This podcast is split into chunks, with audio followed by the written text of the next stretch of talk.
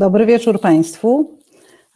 Serdecznie witam w kolejnym odcinku Zoom na Europę, czyli rozmowie o rzeczach ważnych, o rzeczach bieżących, ale przede wszystkim, przede wszystkim rozmowie e, z najciekawszymi i najbardziej kompetentnymi ludźmi, jakich sobie możemy wyobrazić. Ja się nazywam Róża Tun, a na dzisiejszą rozmowę zaprosiłam tu obecnego profesora Klausa Bachmana. Witam, Klaus. Dobry wieczór.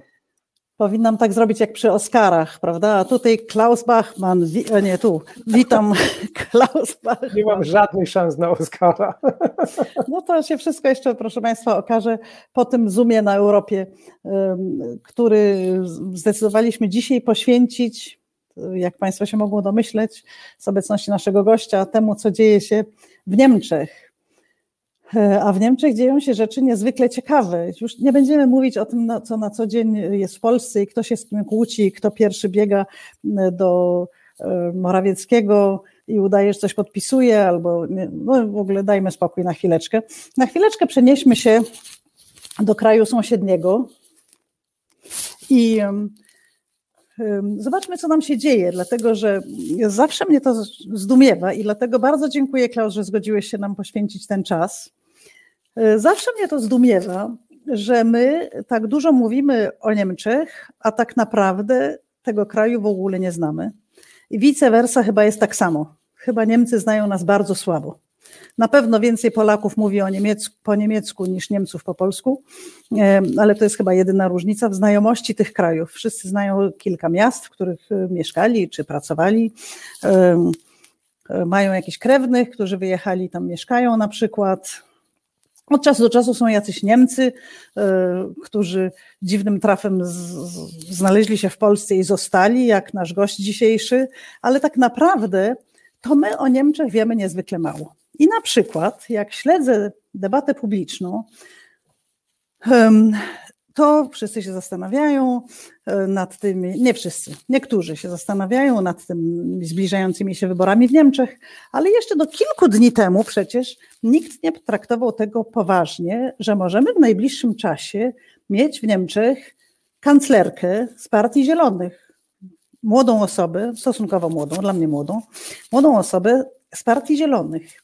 I to rzeczywiście wydaje mi się, że może niezwykle dużo rzeczy sposobu myślenia też w naszych e, strukturach e, często nieco sklerotycznych zmienić. Już sam fakt, że e, takie wysokie notowania mają zieloni, bardzo, bardzo dużo zmienia i będzie zmieniało w naszym myśleniu, spoglądaniu na świat, spoglądaniu na zielonych, spoglądaniu na młodszych polityków i tak dalej. Ale w Polsce właściwie nikt, po pierwsze, nikt jej nie zna, po drugie, mało kto to traktował poważnie, więc ja sobie tak pomyślałam. Musimy o tym porozmawiać na naszym Zoomie, i zastanawiałam się, kogo najlepiej zaprosić, i oczywiście natychmiast y, mnie i moim współpracownikom do głowy przyszedł profesor Klaus Bachmann. Nawet nie pamiętam, kiedy się poznaliśmy, ale znamy się już chyba kilka dekad, przepraszam. Tak mniej więcej, tak. Kilka dekad się już pewnie znamy. I nawet sobie zanotowałam, y, Klaus Bachmann ma tak bogaty życiorys i tak ogromny dorobek, że po prostu nie da się wszystkiego powiedzieć, ale tak króciutko tylko Państwu powiem, mam karteczkę nawet przed sobą, że no, urodził się w Niemczech, to, to wszyscy wiemy. I od 1988 roku jest w Polsce i od 89 był oficjalnie akredytowany jako korespondent zagraniczny i w ogóle bardzo dużo w życiu czasu spędzał na korespondencji, na pisaniu do różnych pism i polskich, i niemieckich, i niemieckojęzycznych. Niektórzy może powiedzieliby polskojęzycznych, bo dużo do Gazety Wyborczej, do Polityki, do Tygodnika Powszechnego, to wszystko są trochę polskojęzyczne może pisma ale był korespondentem zagranicznym dla tych y, niemieckich pism, również dla, odpowiadał za Kijów, Mińsk, Wilno. Potem był korespondentem z Beneluxu, dla, czyli przeniósł się do Brukseli i 2001, prawda, przez jakieś trzy lata tak, mieszkał w Brukseli. 4, tak. 2001-2004 był korespondentem z Beneluxu dla różnych pism e, austriackich i niemieckich, a potem kiedy wrócił do Polski, zrobił habilitację we Wrocławiu i tam był profesorem e, przez, znaczy pracował tam na uniwersytecie przez dłuższy czas, aż w każdym razie w Warszawie, nie wiem czy już wtedy mieszkałeś w Warszawie, czy jeszcze nie, ale pamiętam, że profesurę odbierałeś od, profesora, od prezydenta Komorowskiego. I to już tak, potem się łączy tak. Twoje życie z Warszawą. I od tego czasu jesteś w Warszawie. Klaus pracuje na SWPS-ie, publikuje w dalszym ciągu dużo, zapewne Państwo go czytali, więc ja trochę takie mówię rzeczy, które Państwo wiedzą i znany jest z takich poglądów albo z takich spojrzenia na Polskę z wewnątrz, ale od zewnątrz, prawda, bo jednak jest wychowany w Niemczech, bardzo dużo czasu spędzał za granicą. Pamiętajmy jeszcze, że Klaus przecież wykładał na Uniwersytecie w Wiedniu, w Bordeaux, w Pekinie, w Waszyngtonie, w RPA, prawda, ten spojrzenie bliskie, ale również posiadanie perspektywy dalszej daje u niego taki pogląd, który szalenie mnie interesuje. Bardzo lubię czytać Ciebie albo słuchać Twoich wypowiedzi, bo one są bardzo prowokujące. Pamiętam taką jedną wiele lat temu, dlaczego Polacy nie potrafią sobie zrobić fajnego wizerunku czy dobrego PR-u, to było dawno temu. I tam występowałeś razem z panią Penderecką i porównywałeś Polaków z Włochami. I szalenie mi się to podobało. Oh my God. To było Aha, bardzo dobrze. To było w Mariocie jeszcze, też pamiętam. Chyba w Mariocie dawno temu. I do dzisiaj on tak pisze, proszę Państwa. Jakby Państwo zajrzeli na jakieś jego ostatnie teksty, e, nie wiem, e, na zewnątrz cacy, a pod dywanem brud, albo coś takiego, kiedy opisuje różne sytuacje e, w Polsce na przykład, więc bardzo mm, warto spojrzeć, ale dzisiaj Chciałabym y, z nim porozmawiać o tym, e, aż się żenuję rozmawiać z Tobą, dlatego że Ty wykładasz y, politykę europejską, integrację europejską, prawda? W tym się Już też nie. specjalizujesz. Co? Nie. No właśnie, wiele rzeczy, ale między innymi y, jesteś prezesem zarządu Fundacji na Rzecz Studiów Europejskich o czym muszę przyznać, nawet nie wiedziałam. Nie, bo to ja... już się skończyło. To, A to, to się jest, już skończyło. Tak, to, to założyliśmy razem z e, żoną i paroma przyjaciółmi we Wrocławiu, jak jeszcze tam byłem na uniwersytecie, i, e, ale już na samym początku właściwie z myślą o tym, żeby to kiedyś przekazać. I udało nam się to przekazać zdolnym, rzutkim e, i dynamicznym studentom i studentkom z Wrocławia, którzy to prowadzą od, nawet nie wiem, czy od chyba już od 6 albo 8 lat e, samodzielnie, całkowicie samodzielnie, więc e, myśmy się z tego wycofali, e, kibicujemy im, czasami pomagamy, jeżeli możemy, ale nie mieszamy się, więc to, to że tak powiem, po, po, angielsku to się nazywa nasz, nasz legacy albo coś takiego, nasze, no nasze mal, malutkie, ma, ma, małe dziedzictwo tam zostało w tym Wrocławiu. Takie legacy, takie dziedzictwo przekazywać następnemu pokoleniu to jest też specjalna umiejętność, dlatego że my mamy tą charakterystyczną cechę, że za długo trzymamy się y, naszych partii, naszych miejsc, naszych funkcji i y, to młode pokolenie dojrzewa za późno. A tymczasem w Niemczech Pani e, Baerbock, która jest kandydatką na, e, na kanclerza, ma lat 40. Aha, jeszcze jednej rzecz Państwu nie powiedziałam. Jeżeli dobrze pamiętam, to Klaus swoją karierę zaczynał od tego, że był radnym miejskim właśnie z Partii Zielonych, prawda? Tak, e, chociaż to jest trochę bardziej skomplikowane, bo ja wtedy byłem bezpartyjny, a lista była zielona e, i to, to była taka, ja nie, nie chcę za bardzo wchodzić w szczegóły teraz, bo to pewnie jest mało ciekawe, to już nie jest aktualne w Niemczech i to nikogo nie interesuje w Polsce, ale w tamtym czasie istniała jeszcze, e, istniało, istniało jeszcze zagrożenie, że jeżeli zakładamy po prostu taką otwartą listę zieloną, to przyjdą komuniści, mhm. niemiecka partia komunistyczna i nas zmajoryzują, bo oni mieli bardzo dobrze zorganizowane i posłuszne kadry i, i ściągają je z, z, całych okolic i wtedy się okazuje, że my zakładamy właściwie listę zieloną do e, Rady Miejskiej, ale e, na końcu e, w tych wyborach kandydują sami komuniści. Okay. I z tego względu się wtedy zwracaliśmy do Zielonych, którzy wówczas już byli w Landtagu, parlamencie regionalnym, bo był taki przepis w ustawie o wyborach, że jak się kandyduje z aprobatą takiej partii, która już jest w Landtagu, to nie trzeba się rejestrować, nie trzeba robić takiego otwartego spotkania, które może być majoryzowane przez innych. No i tak e, faktycznie nam się udało, e, udało nam się dostać do Rady Miejskiej i siedziałem tam niestety tylko przez rok jako e, bezpartyjny, tam, tam byli sami bezpartyjni, zieloni, nikt nie należał do partii, um, jako, jako właśnie bezpartyjny zielony, a potem dostałem e, miejsce na Uniwersytecie Wiedeńskim, no i to nie dało się pogodzić i e, zwiałem ten, zwinąłem ten interes. I z, I z kariery, która się tak dobrze zaczynała, samorządowca względnie polityka, do kariery naukowca i badacza naszych dziejów i publicysty się zmieni, prze, prze, przeflancowałeś. Ale ja Państwu bardzo dziękuję, że Państwo piszą do nas i nas pozdrawiają i nadzieję pokładają w zielonych, jak widzę, nie wiem, widzisz Klaus, tutaj mamy w, tak, tak, wyświetlone przyciąg, głosy Państwa. Elektorat, e, potencjalny elektorat zielonych, tak. Potencjalny elektorat zielonych, europejski elektorat zielonych od razu. Ja tak samo zaczynałam w Parlamencie Europejskim z list Platformy Obywatelskiej, ale nie byłam członkiem partii jeszcze wtedy.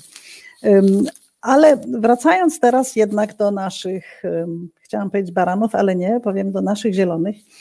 Y, może zacznijmy tą rozmowę od tego, co takiego się stało i czy to się stało nagle, czy to jest stały rozwój, czy to jest charakterystyczne tylko dla Niemiec, czy dla wielu krajów, że zieloni tak przybierają na ilości czy też na jakości pewnie, w każdym razie na wadze, że zaczynają odgrywać coraz większą rolę. Że przecież ci zieloni, którzy, ja mam wrażenie, że w Polsce ciągle wiele osób uważa tych ludzi za e, odklejonych od rzeczywistości idealistów, e, biegających w wełnach, które zrobili sami na drewnianych drutach z nieczesanej wełny i na bosaka, którzy buntują się na wszystko, co jest nowoczesnością i właściwie mają taki, w Polsce zieloni mają ciągle wizerunek taki niegdysiejszy, a tymczasem się okazuje, że ich wpływ na rzeczywistość w Unii Europejskiej przynajmniej może w najbliższym czasie się totalnie zmienić i że największą gospodarką Unii Europejskiej możliwe, że w najbliższym czasie będzie zarządzać właśnie zielona kobieta, zielona, i, Partia Zielonych wcale nie wykluczone, że wygra największe, najbliższe wybory w największym kraju, najsilniejszym kraju Unii Europejskiej. Czy mógłbyś coś tak, na ten temat powiedzieć? Tak, e, znaczy to, zaczynam od przyczyn, bo przyczyn jest, e, przyczyny są trzy właściwie. E, jedna przyczyna to tkwi w samych Zielonych, bo powiem tak anegdotycznie, kiedy ja jeszcze byłem radnym miejskim, to jeden z powodów, że żaden z nas, a to, to, to było, było wtedy trzech kandydatów, żaden z nas nie chciał wstąpić do partii, ponieważ partia wtedy była zajęta dyskutowaniem na temat seksu z małoletnimi.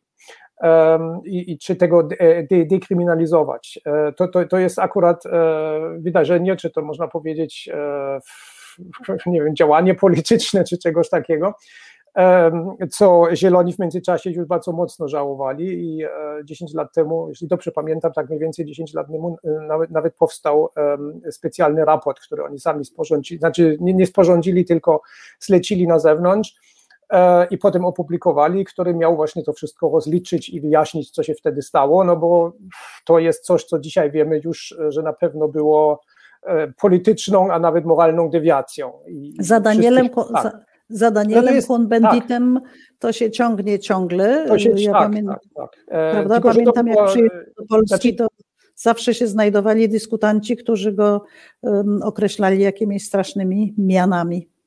Tak, ale to jest oczywiście, no, polityka żyje z personalizacji, ale ja bym powiedział, że problem tutaj nie polegał na tym, że, że, że to jeden poseł coś robił albo czegoś nie robił. E, on, on sam, że tak powiem, e, tych rzeczy nie uprawiał, e, z tego co wiemy, co wyszło. Natomiast, natomiast problem polegał na tym, że po prostu trzeba było wyjaśnić, jak to było możliwe, że takie inicjatywy czy takie lobby, taki, taka grupa nacisku, która wówczas wpływała na Zielonych i spowodowała tam tam właśnie takie podejście. Jak to było możliwe, że takie organizacje mogły infiltrować partię polityczną? I to, to, bo to jest problem strukturalny. No ale to trochę pokazuje, jacy to byli zieloni wtedy. To były, to, dzisiaj to byśmy powiedzieli, to było takie zbiorowisko ruchów, ruchów miejskich i różnych radykałów. Trudno to tłumaczyć na polski. A powiedz, o których latach teraz mówisz? Które no ja teraz mówię o latach 80. W, jeszcze długo zanim zieloni w ogóle obejmowali władzę wtedy w, w 98 roku w Niemczech. E, to najpierw weszli do parlamentów regionalnych, potem do Bundestagu. Nadal w Bundestagu byli radykalni, zostali wyrzuceni za e, nieodpowiednie zachowanie, prowokacje i tak. E, Zieloni wówczas mieli taki, taki duo przywódcze, jeśli to tak można nazywać. To była Petra Kelly i Gerd Bastian. To była kobieta, która była, no, miała pewne zachwiania psychiczne, bym powiedział, że, że co drugi dzień wieszczała koniec świata i, i e, miała bardzo takie historyczne występy. To, to trudno sobie wyobrazić, jak ktoś wtedy e, o takich e, usposobieniach mógł zrobić karierę, ale przyciągała bardzo dużo ludzi, którzy odczuwali to tak samo. Zresztą ten, ten taki, jakby to powiedzieć, takie przekonanie o tym, że zaraz świat się kończy i musimy coś zrobić, żeby temu zapobiec, to, to towarzyszyło Zielonym bardzo długo że takie, takie poczucie e, trochę też wyższości można by powiedzieć, że my jesteśmy jedyni, którzy widzą na oczy, co się dzieje i musimy to powstrzymać, tak? Od, od e, nie wiem, obumarcia lasów do, e, o klimacie wtedy jeszcze mało kto mówił, o, głównie o wojnie atomowej na przykład, z czego wyciągali bardzo radykalne wnioski pacyfistyczne, które potem kompletnie runęły, jak niemiecki minister spraw zagranicznych z Zielonych zgodził się na nalotę e, na, na e, Jugosławię wówczas, podczas kryzysu kosowskiego. Wcześniej to był naprawdę, no, to był taki zlepek różnych radykalnych inicjatyw od e, czasami nawet skrajnej prawicy. Było jedno skrzydło, które potem odeszło, ponieważ i, i zapisało się do skrajnej prawicy, tacy nacjonaliści ekologiczni, E, do skrajnej lewicy, ludzi, którzy pochodzili z maoistycznych, malutkich maoistycznych ugrupowań, które ja jeszcze pamiętam z moich czasów studenckich, że oni tam sprzedawali swoje gazety i próbowali nas indoktrynować. E, kłócili się z e, chadecką młodzieżówką na kampusie. To był to było bardzo, jakby to powiedzieć, bardzo spolaryzowane społeczeństwo, bardzo ostre ale, y, konflikty ale polityczne, trochę podobne jak dzisiaj w Polsce. Ta, no tylko, że zupełnie inne. Pardon, przerwę na chwileczkę, bo jeżeli mówisz o latach 80., to ja pamiętam tych zielonych z Niemiec w latach 80., bo ja akurat wtedy byłam świeżo po ślubie i przez kilka lat mieszkałam we Frankfurcie. I, o, tak, to jest dobre poletko. Tam był Joszka Fischer wtedy Początki Joszka Fischery, pamiętam go doskonale z różnych zebrań zielonych, na które chodziłam. Chodził w zielonym swetrze z grubej wełny i przyjeżdżał często zresztą konbandit na te spotkania tam. W zadymionych pokojach siedzieli i gadali i przyznam Ci szczerze, wtedy ja tam nie, nie, nie, ja bardzo słabo mówiłam wtedy po niemiecku, więc oczywiście ogromna część tego wszystkiego mi uciekała, ale wydawało mi się, że oni są tacy atrakcyjni, między innymi dlatego, że oni że tak powiem, e, promieniowali taką autentycznością. Oni się strasznie tym przejmowali, czy będzie większy hałas nad Frankfurtem, jak zbudują jeszcze jedną linię startową i protestowali przeciwko temu bardzo głośno. Zaczynał się wegetarianizm. E, oni przechodzili na wegetarianizm i walczyli bardzo o prawa zwierząt, co mnie akurat pociągało, ale przede wszystkim, jak ty mówisz o ekstremistach, to oni z wyglądu z, oni byli bardzo podobni do naszych polskich dysydentów. Ja pochodzę ze środowiska SKS-u, koru i tak dalej, prawda? I gdzieś ta, ta, to ich zaangażowanie, spontaniczność, niezwracanie uwagi na tą materialną stronę życia, była, były mi bliskie. A poza tym ci ludzie akurat, oni najlepiej przemycali do y, tutaj do Solidarności Podziemnej w tamtym czasie, prawda, do, stan wojenny był. I oni najlepiej przemycali materiały drukarskie, mm, takie były małe książeczki drukowane w kulturze paryskiej, na przykład takie miniaturki, które całymi pudłami myśmy przemycali, farbę drukarską do tych y, domowych drukarek, farbę drukarską w puszkach, pamiętam na przykład po pomidorach, po, po, pomidori toma, pelati. I, i tam była fabrycznie zamknięte zresztą. I oni jeździli jako takie z darami do kościoła świętego Marcina i do innych i tam różne rzeczy były. I to można było się na nich oprzeć. Na tych zielonych właśnie, więc gdzieś ta ja tu znajdowałam taką nić porozumienia już wtedy. Z tego powodu znam Jacka Czaputowicza. On wtedy był e, w Wolności Pokój. A no właśnie, i co, i odbierał te paczki? czy I, I, tak się to rozeszło, no, jak w jednym z tych... E, Też miał tych, długie włosy i chodził w grubym swetrze. No. Po, po, południowoamerykanskich, gdzie potem widzimy tych bohaterów, prawda, 40 lat później i oni są na zupełnie innych frontach i na zupełnie innych barykadach, no. Tak, e, ale to, znaczy, to jest ta przeszłość. Miałem mówić o tym, skąd się bierze to, że wkrótce. No, bo oni startowali jednak z czegoś prawda? takiego, prawda? Więc to, to jest ten gigantyczny kontrast, który widzimy, jak patrzymy na to, jak to było 30 lat temu. Um, a jak to jest dzisiaj, ale y, to może staje się to trochę bardziej zrozumiałe, jak patrzymy na to, że ci po prostu zieloni zachowywali się tak samo jak wszystkie inne partie, z jednym małym wyjątkiem, o którym zaraz będę mówić, mianowicie sta starzeli się razem ze swoim elektoratem. I ci, którzy wówczas e, głosowali na Zielonych, robili im kampanię wyborczej albo kandydowali do Rady Miejskiej, albo do Landtagu, prawda? No to, to są ludzie, którzy dzisiaj są w moim wieku, albo nawet starsi. Jeden z moich e, kolegów ze studiów to jest e, Rainer Bütikofer, który pewnie dobrze znasz, mój, prawda? Mój kolega z Parlamentu Europejskiego, tak, bardzo z Zielonych. Ja czasami widzę go w telewizji i pomagam mu i czasami, czasami bardzo rzadko, raz na kilka lat, e, jak przyjeżdża do Polski, to się spotykamy. E, jeszcze, jeszcze pamiętamy, że byliśmy kiedyś studentami, ale, ale teraz to no, on jest Bütikowa, a ja jestem profesorem i jesteśmy po 50 i można by wręcz powiedzieć, no, przynajmniej w polskich warunkach, prawda, wieku emerytalnego zbliżamy się do emerytury. I, i podobnie jest z tymi zielonymi. E, I pod tym względem nawet e, Annalena Baerbock i Robert Habeck to, to jest, można powiedzieć, trzecie pokolenie zielonych już. Jak, jak patrzę na to, jakie jakie były, e, jacy byli liderzy w tej partii 20, 30, 40 lat temu, no to to jest, to jest kompletnie inne pokolenie teraz. E, przez większość czasu e, wszyscy byliśmy w Niemczech przyzwyczajeni do tego, że to jest partia, która potrafi sobie jeszcze 5 minut przed wyborami tak zaszkodzić, żeby, żeby nie wejść do parlamentu. Że to jest partia, która jest tak potwornie kłótliwa, że oni siebie nawzajem zwalczają bardziej niż przeciwników politycznych. Skąd to znamy? A nagle w ostatniej, chciałem powiedzieć, przepraszam, Aż się zakrztusiłeś z wrażenia. A w, w, w, ostatnich e, czterech latach mamy sytuację taką, e, że oni od, tradycyjnie to mają od samego początku. Zbiorowe kierownictwo, więc to dwuosobowe kierownictwo, gdzie musi być e, jeden facet, jedna kobieta, muszą prowadzić tą partię. To funkcjonowało lepiej i gorzej i zazwyczaj kończyło się na tym, że jeden dominował nad drugim i były walki frakcyjne, a od czterech lat mamy taką sytuację, że oni występują właściwie niemal jak małżeństwo. Oni nie są małżeństwem. Ja muszę to sobie, jak ich widzę na, na ekranie, to zawsze muszę to sobie przypomnieć, że każdy z nich ma innego partnera. Oni nie są małżeństwem, ale załatwili to wszystko przez cztery lata, jakby to było naj, najlepsze małżeństwo na świecie. Nawet do tego stopnia, że e, nikt nie słyszał złego słowa na temat ostatecznej decyzji, kto będzie kandydować na urząd kanclerza. No i, i, to jest właściwie, to jest sytuacja, której namy, nawet z, e, z Hadecji nie znamy. Tak? tak Hadecja zawsze była. Tak. Ja pamiętam jeszcze Kohla, Helmuta Kohla, no to on był takim patriarchą, który panował nad tą partią, kiedy już miał tą władzę.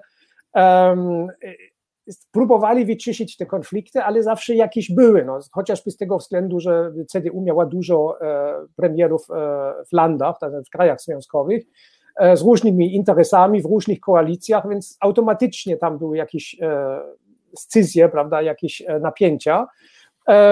ale no jeżeli bym, miałbym powiedzieć, że jest jakiś monolit na tej scenie politycznej, no to to była to Hadecja zawsze w latach 80., 90., trochę jeszcze później, początkowe lata Merkel też. E, okej. Okay. Tego kompletnie nie, do tego kompletnie nie, nie byliśmy przyzwyczajeni w Niemczech, że zieloni mogą się tak zachowywać, a tu się okazuje, że mogą. Mogą, bo elektorat już nie jest tak radykalny, sama partia nie jest radykalna, aktywiści nie są radykalni, no bo wszyscy teraz są starsi.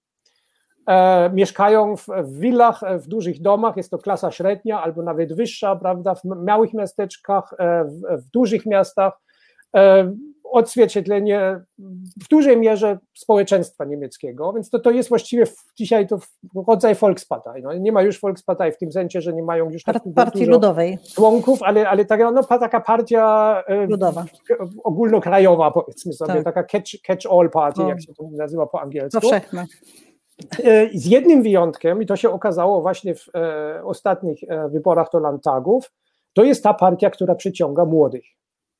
Tego nie robi, e, tego nie, to, ewentualnie robi to w, w, dużych miastach, robi to lewica, nie robi tego już e, socjaldemokracja, nie robi A tego Volt. Jeszcze jest taka partia Volt. E, tak, ale ona nie jest w ogóle w, w parlamentach, także...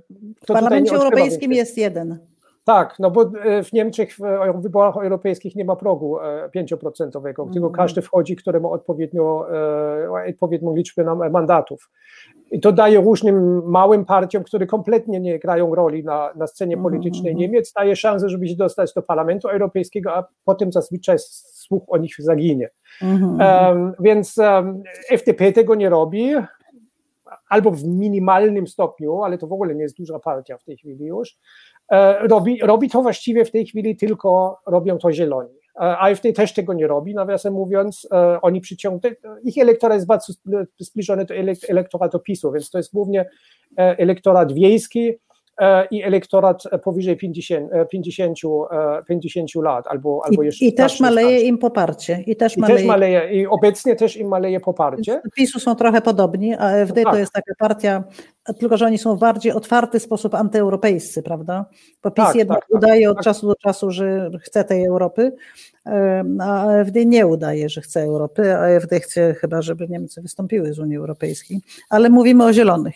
My mówimy o zielonych, więc to jest ten ten, ten pierwszy aspekt. Zieloni są dzisiaj zupełnie inni niż byli 30 czy tam 20 lat temu. E, niemiecka scena polityczna znacznie bardziej się rozwarstwia niż kiedyś. Kiedyś to właściwie można by powiedzieć był, był to system trójpartyjny, Hadecja, e, socjaldemokracja i, i liberałowie. I liberałowie dec, właściwie decydowali o tym, kto, kto będzie kanclerzem, bo z tym, z którym oni wchodzą w, e, w koalicję, ten automatycznie może, może mieć kanclerza. I te, I te czasy kompletnie się skończyły. Teraz mamy sześć partii, siedem partii, w zależności od tego, jak liczymy.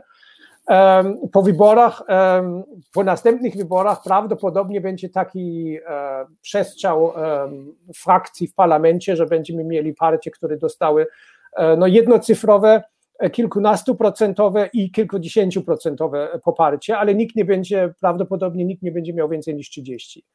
E, to nam daje, i to jest odzwierciedleniem tego, co się dzieje w społeczeństwie, bo społeczeństwo też się bardzo rozwarstwia. Będziemy, będziemy mieli taką sytuację podobną do Holandii, gdzie po każdych wyborach są bardzo długie negocjacje na temat koalicji i powstają koalicje e, z trzech albo nawet czterech partii, ponieważ tyle trzeba mieć, żeby w ogóle mieć tą większość w parlamencie. No więc teraz właśnie, a jeszcze korzystam, żeby podziękować Państwu za te pozdrowienia, które Państwo do nas licznie piszą od e, Olkusza po Żnin. E, serdecznie pozdrawiam wszystkich w Olkuszu, w Żninie i w, międzyczasie e, z różnych stron Polski. I dziękuję Klaus za te wszystkie wyjaśnienia. Jedziemy dalej. Otóż teraz Y, Zieloni mają ogromnie wysokie poparcie, prawda? CDU, CSU razem i Zieloni to, są, to jest teraz ta czołówka, prawda? Co jest zdumiewające to jest jednak. Prawdopodobnie razem większość, tak? E, dość stabilna, tak. to, to właściwie w tej chwili jedyna Ale możliwość czy to jest możliwe, żeby koalicji. Tak, a czy nie, co, co ci się wydaje bardziej prawdopodobne, że jeżeli rzeczywiście tak by miało być, kiedy te wybory są dokładnie? 22 września, jeśli to przypamiętam. Czyli no to jest nic, prawda? To jest zaraz po wakacjach, prawda? Mhm. Zaraz po wakacjach są wybory i teraz załóżmy, że się bardzo sondaże nie zmienią. Czy szacujesz, że raczej się będą zmieniały? Już się zmieniły. Już się zmieniły. Ale e, jeszcze, dwa tygodnie, się... jeszcze dwa tygodnie temu była taka sytuacja, że e, zieloni byli w okolicach 20%, Druga, e, co do wielkości partia, znaczy gdyby były wybory, tak? To jest, to jest tak, w niemieckich tak. sondażach zawsze jest to pytanie, na kogo byś głosował, głosowała, gdyby, gdyby wybory, były dziś. najbliższą tak. niedzielę. Tak. I, I, tutaj odpowiedź była tak mniej więcej 20-21% dla zielonych i około 28-30% dla, tak. dla CDU, CSU. Tak. tak. I to było, jak mówię, to było 2-3 tygodnie temu. Potem zdarzył się fatalny błąd, mały, niezbyt dramatyczny, ale jeżeli chodzi o wizerunek, absolutnie fatalny, ponieważ na posiedzeniu na wspólnym premierów landów z Angelą Merkel nie mogli się dogadać do wcześniej godzin rannych E, i w końcu zawarli taki kompromis na temat lockdownu, kolejnego, kolejnego ostrzejszego lockdownu, żeby zwalczać te wzrastające liczby infekcji w Niemczech. E, mianowicie, żeby przedłużyć e, święta w Wielkanocy o, jeśli pamiętam, jeden dzień albo dwa dni, ale to, to jest naprawdę mało istotne i po prostu, żeby ludzie zostali w domu wtedy. E, i się okazało, e, znaczy to, to podejmowali gdzieś tam o drugiej, trzeciej nad ranem, a o dziesiątej rano się okazało, że to jest prawnie w ogóle niemożliwe, bo to musieliby przeprowadzić wszystkie kraje związkowe w swoich parlamentach e, i to by weszło w życie już dopiero po świętach, więc um, też było mnóstwo takich kwestii nierozwiązanych, typu na przykład, czy to jest wtedy urlop płatny, bezpłatny, czy państwo za to płaci, czy to obciąża tylko pracodawców, albo nie wiem, nawet tylko pracobiorców, którzy mieliby wziąć urlopu. Nic nie było wiadomo i, i Angela Merkel e, wystąpiła przed kamerami.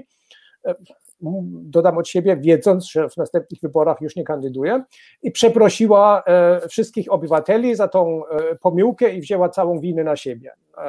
Oczywiście nikt nie, potem nie wierzył w to, że to była tylko jej wina, no to tam byli wszyscy premierzy i niektórzy, niektórzy nawet wygłosili tam jakieś deklaracje, że oni się solidaryzują z nią i że to była tych ich, ich, ich wina też, ale to jest mało istotne, bo od tego momentu e, mamy odwrócenie tej Zaczął sytuacji. się zjazd, tak. E, tak, e, mamy odwrócenie tej sytuacji, że CDU jest największą partią po wyborach i, i, i Zieloni są na drugim miejscu.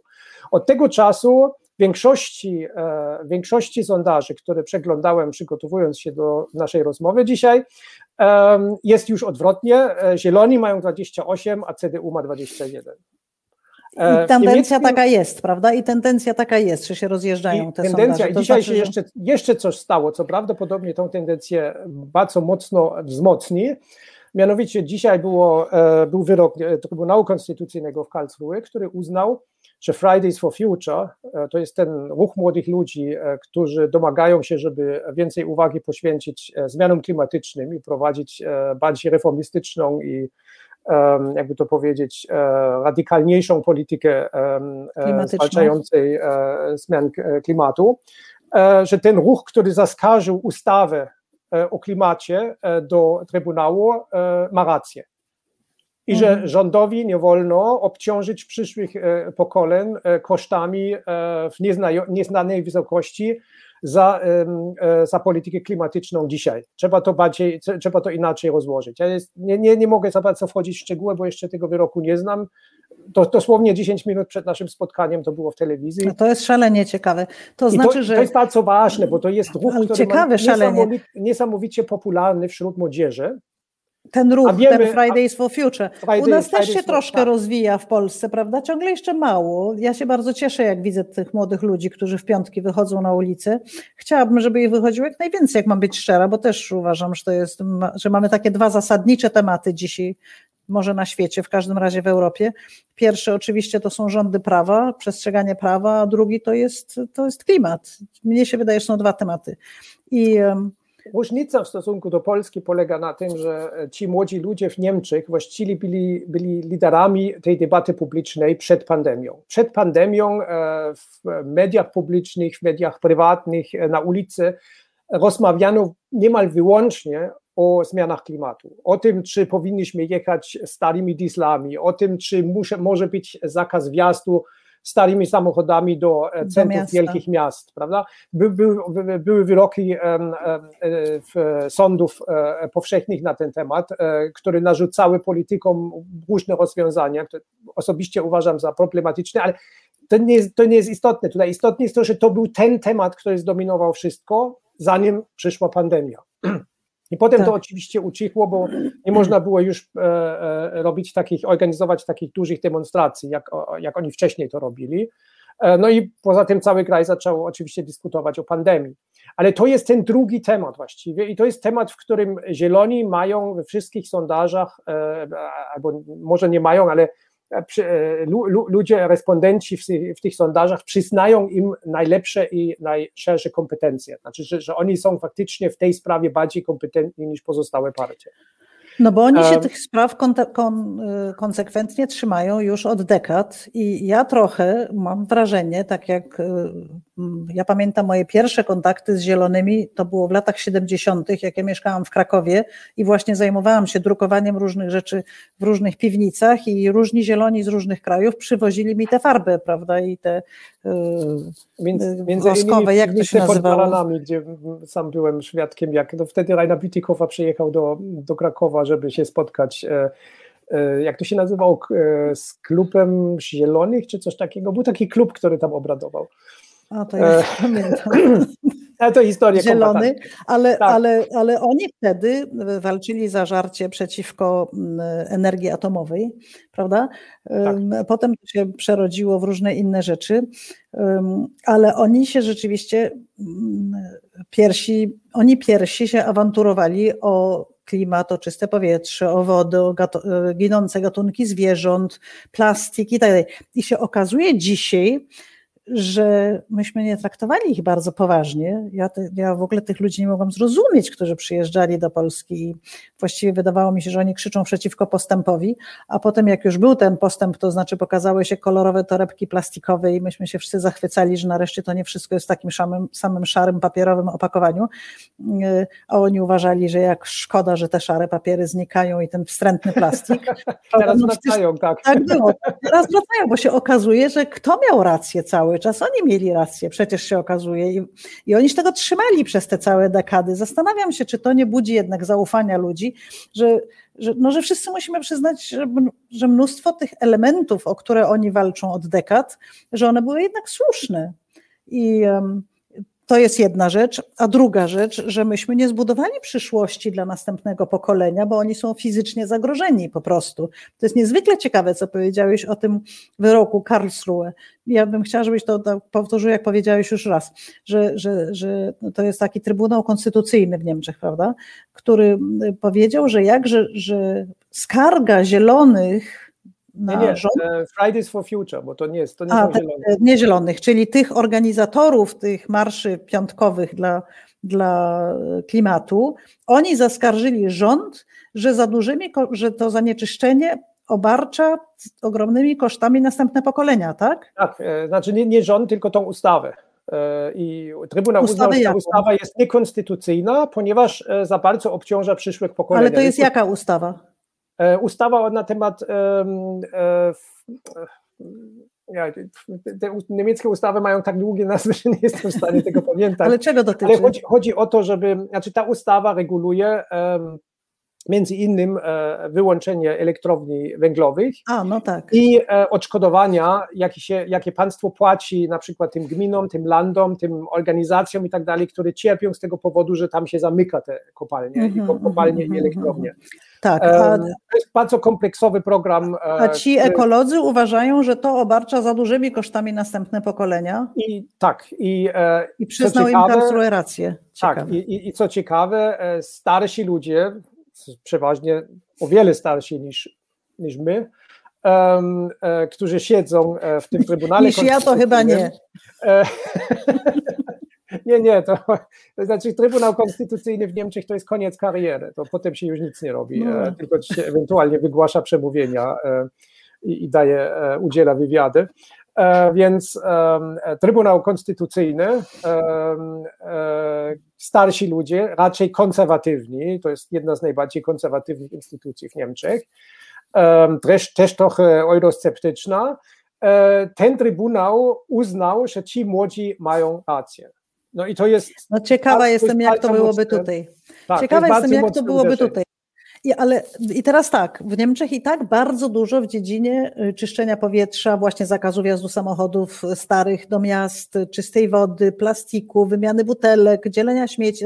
Niesamowicie dużo się dzieje, przynajmniej w porównaniu z Polską. To w ogóle są inne światy, jeśli chodzi o dbałość o środowisko, czystość wód, y, ochrona zdrowia i tak dalej. W porównaniu z Polską inny świat jednak, upieram się.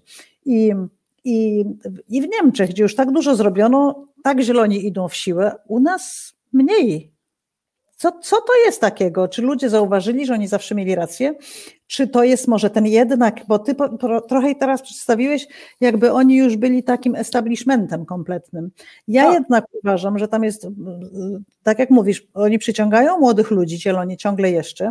I jak patrzę na moje koleżanki i kolegów w Parlamencie Europejskim, to jednak z wyglądu widać mniej więcej, kto jest u zielonych, a kto nie.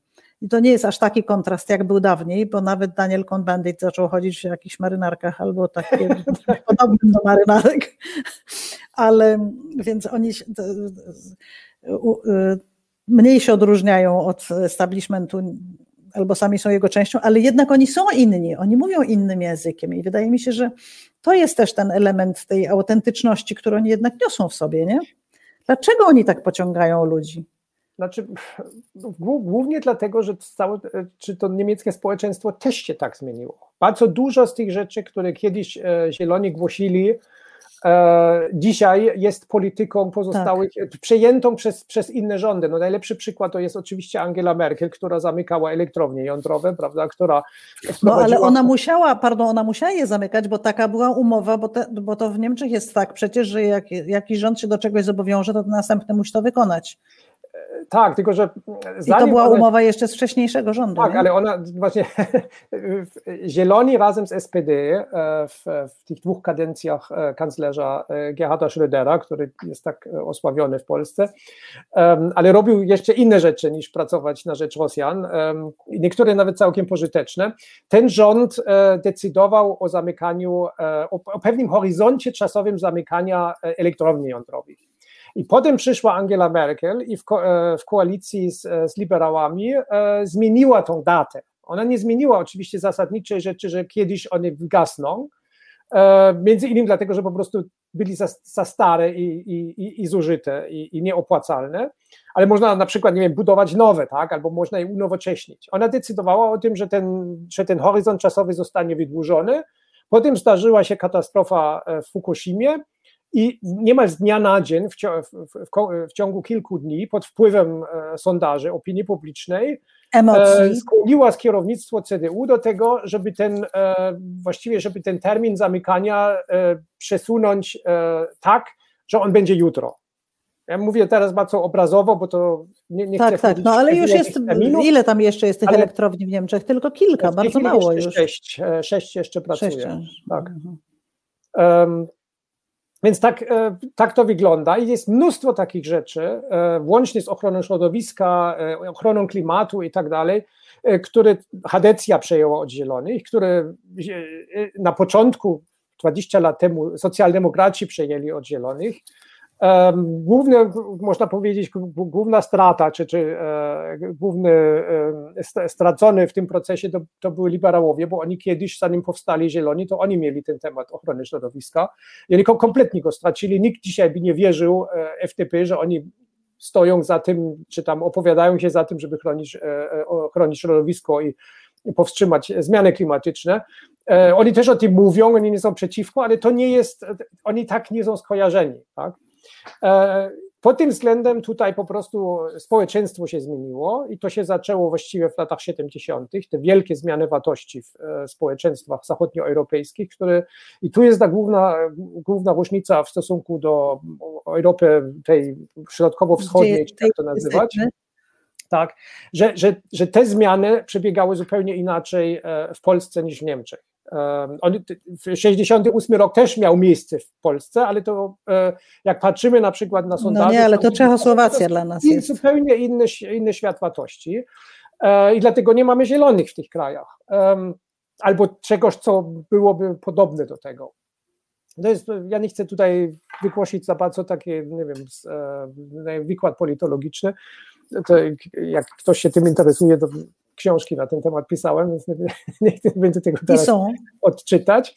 Um, ale teraz... Z tego, się, z tego, się, bierze ta różnica. Um, z tego się bierze ta różnica i um, o teraz zgubiłem wątek, więc Proszę to, to czekaj, to wróćmy w takim razie jeszcze do jednej rzeczy, bo, bo, bo wyszliśmy stąd, że y, tak się rozjeżdża właśnie, to znaczy, że e, notowania dla y, Hadecji, czyli CDU, CSU są coraz e, mniejsze, a notowania dla Zielonych są coraz wyższe, y, czyli jest wysoce prawdopodobne, że tuż po wakacjach podczas tych wyborów najwięcej dostaną Zieloni, jak nic się nie stanie, no jeżeli nie, nie będzie jakiegoś strasznego potknięcia, czy coś się nie wydarzy i tak dalej. I teraz Zieloni powiedzieli, że, mm, że pani Berbok jest ich kandydatką na kanclerza. Ale teraz, jeżeli Zieloni będą budowali koalicję, to ja usłyszałam od ciebie tak przelotnie tutaj, że wystarczyłoby głosów Hadecji i Zielonych, żeby zrobić koalicję.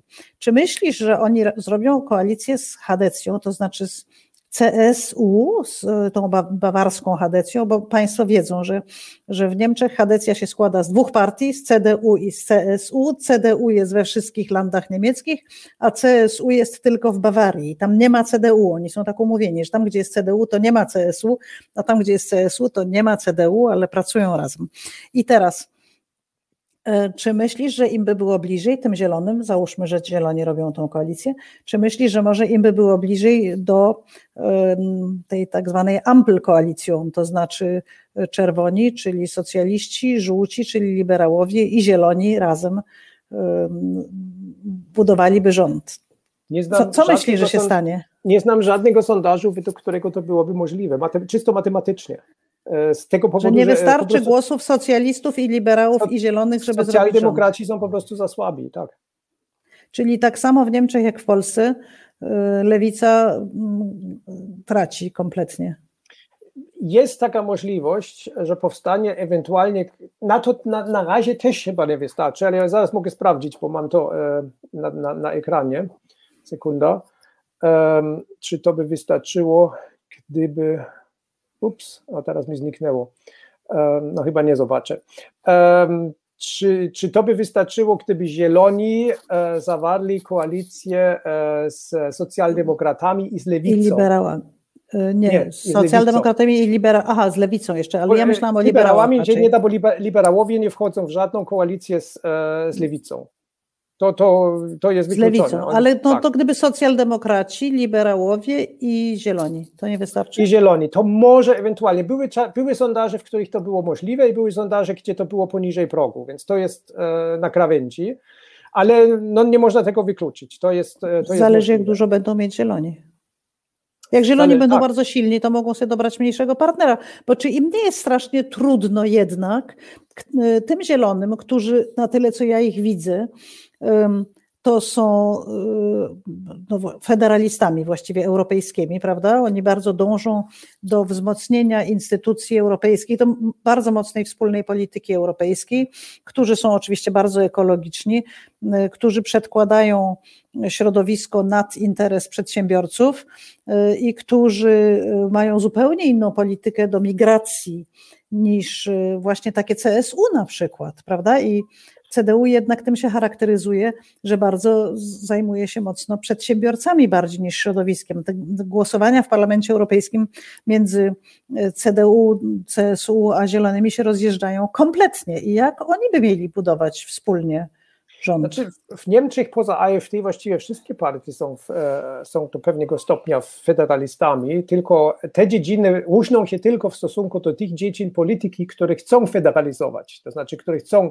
uspólnotowić, przepraszam za ten żargon e, politologiczny, e, to znaczy w stosunku do tych polityk, w których oni chcą, żeby Unia Europejska miała coś do powiedzenia. E, socjaliści, socjaldemokraci, lewica to zazwyczaj opowiadają się za tym, żeby to były na przykład prawa socjalne, prawda, to żeby była ochrona tak. miejsc pracy.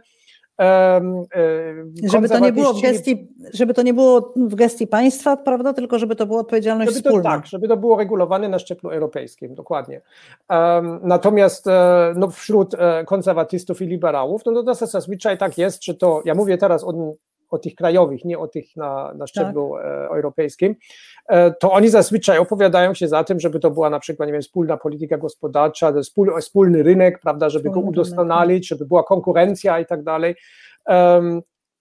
No i pod tym względem oni się różnią. Natomiast nie ma, jest jedna partia, która w tej chwili w sondażach oscyluje wokół 10%, E, które jest za tym, żeby w ogóle polityki renacjonalizować, albo na ostatnim zjeździe partii, mówi o alternatywy dla Niemiec, e, uchwalili, że w ogóle Niemcy mają wyjść e, z Unii Europejskiej. Ale wszystkie pozostałe partie w niektórych obszarach są federalistami, tylko różnią się właśnie no, ale teraz, w stosunku zobacz, do tych obszarów.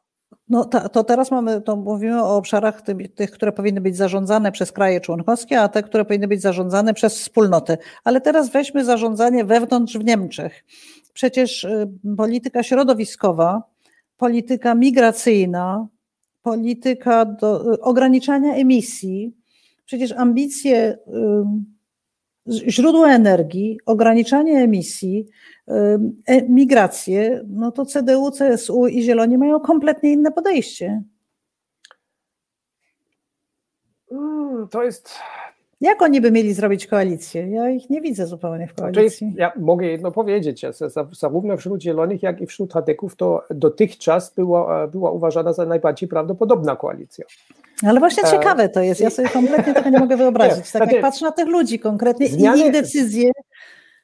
Zmiany klimatu to jest w tej chwili temat, który Hadecja chciała bardzo mocno przejąć. Znaczy, to, to jest właściwie konsensus. No, ewentualnie partie różnią się do, co do szczegółowych rozwiązań, ale nie ma partii, która mówi, że, no przepraszam, AfD, ale AfD jest kompletnie izolowana na scenie politycznej, nikt z nią nie wchodzi w żadną koalicję, ona nigdzie nie siedzi w rządzie, nawet na, na szczeblu. To się nazywa na... Alternative für Deutschland, e, tak? Tak, alternatywa dla Niemiec. Tak. Stosunkowo nowa alternatywa dla Niemiec, stosunkowo nowa, kompletnie anty e, antyeuropejska partia. Niestety mamy przedstawicieli w Parlamencie Europejskim, aż chatko słuchać. No, mówią tak dosyć podobnie do naszych kolegów z, ze Zjednoczonej Prawicy. Jeszcze bardziej, jeszcze bardziej dobitnie, bo nasi koledzy ze Zjednoczonej Prawicy jednak nie mówią, że Unia powinna przestać istnieć, a AfD idzie w tym kierunku. Znaczy, to różnica polega na tym, że oni nie mówią, że Unia powinna przestać nam płacić, a AfD mówi, że Unia powinna przestać nam płacić, bo my i tak więcej tam wpłacamy, więc i tak wychodzimy na tym lepiej. To jest ta różnica no między tak, eurosceptycyzmem... Ale, ale wróćmy do tej koalicji. Jak mogą takie dwie, według mnie oni są niesamowicie różni, właśnie ci zieloni i ci chadecy. I, i tu chciałam chciałabym się zastanowić, jaka jest możliwość tych zielonych, którzy jeszcze niedawno byli tymi głównymi buntownikami, prawda? Też mam wrażenie kulturowo. Jak oni się rozwinęli do tego stopnia, czy jak zmienili do tego stopnia, czy to się może zmieniła Hadecja do tego stopnia, że w ogóle jest rozpatrywana możliwość koalicji ich? To się, znaczy po pierwsze to wymusza trochę system, bo po prostu bez tego to, tak, powiem brutalnie, tak, jeżeli Hadecja nie chce wejść z zielonymi po następnych wyborach w koalicję, to ryzykuje powstanie koalicji zielonych z lewicą. I to jest pytanie, każdy, każdy Hadek musi sobie odpowiedzieć na pytanie, czy on tego chce. To jest pierwsza rzecz. Czysto teoretycznie jest to możliwe, że może powstać ewentualnie nawet e, koalicja bez zielonych, ale to jest, jak mówię, mocno wątpliwe w obecnej sytuacji, że Hadecja, e, socjaldemokracja i liberałowie tworzą koalicję i będą mieli kruchą i małą większość. E, uważam, że to jest raczej mało. Mało prawdopodobnie ze względu na to, że SPD e, już w ostatnich wyborach nie chciało w ogóle wejść do rządu, oni chcą do opozycji i wyjść z tego kryzysu, w którym są e, w opozycji. Mhm, mhm. CDU jest mocno podzielona i e, w tej chwili no nie wiem, czy ona w ogóle jest w stanie podejmować takich decyzji, więc trochę to jest, jakby to powiedzieć, tu, tu są różne skrzydła, o tych skrzydłach zaraz jeszcze będę mówić. No i zostają jeszcze liberałowie, no, którzy być może teraz by chcieli, ale a, akurat od nich najmniej zależy tutaj, bo to jest najmniejszy mm. partner. Więc teoretycznie jest to możliwe, ale dotychczas wszyscy uważali, e, zarówno w Hadecji, jak i wśród Zielonych, że naturalnym e, sojuszem e, e w, e, po wyborach no to będzie CDU z Zielonymi. Natomiast Bardzo dziwne.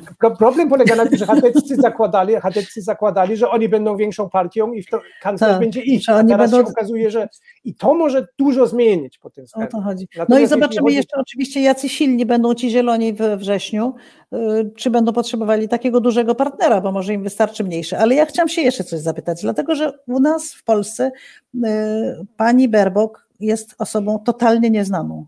I ja bym chciała może, żebyś ty trochę powiedział, co ludzie po niej oczekują, bo się bardzo wiele osób bardzo cieszy, że ona jest tą kandydatką. Ja jako chadeczka powinnam się skupić dzisiaj na panu Laszecie, Armin Laszet, który jest kandydatem CDU, ale on biedny najprawdopodobniej nie będzie Y, tym kanclerzem, ale y, co ludzie się spodziewają po ewentualnej zielonej kanclerce? Dlaczego ona jest taka popularna i dlaczego taka, y, generalnie powiedziałabym, radość zapanowała i niezwykle pozytywne krytyki z tego trochę, co widziałam w niemieckich mediach na jej temat? Mamy, mamy podobną sytuację jak w 2015 roku w Polsce. E, wiem, że to jest trochę ryzykowne porównanie, e, tym bardziej, że wiemy, kto wtedy wygrał, a w Niemczech wygra prawdopodobnie partia, która jest dokładnym zaprzeczeniem PiSu. E, we, niemal we wszystkich obszarach jest to kompletnie zaprzeczenie. Oni chcą dokładnie przeciwieństwo tego, co obecny polski chcą, chce. Ale sytuacja jest bardzo podobna, bo mamy partie rządzące, socjaldemokraci, e, chadecję, e, po części nawet mieliśmy parę lat temu jeszcze liberał, liberałów, którzy wysyłali taki sygnał do swoich wyborców: słuchajcie, nam się już nie chce. Zostańcie w domu, słabo, wybierzcie słabo kogoś innego. Słabo oceniasz rządy PO-PSL.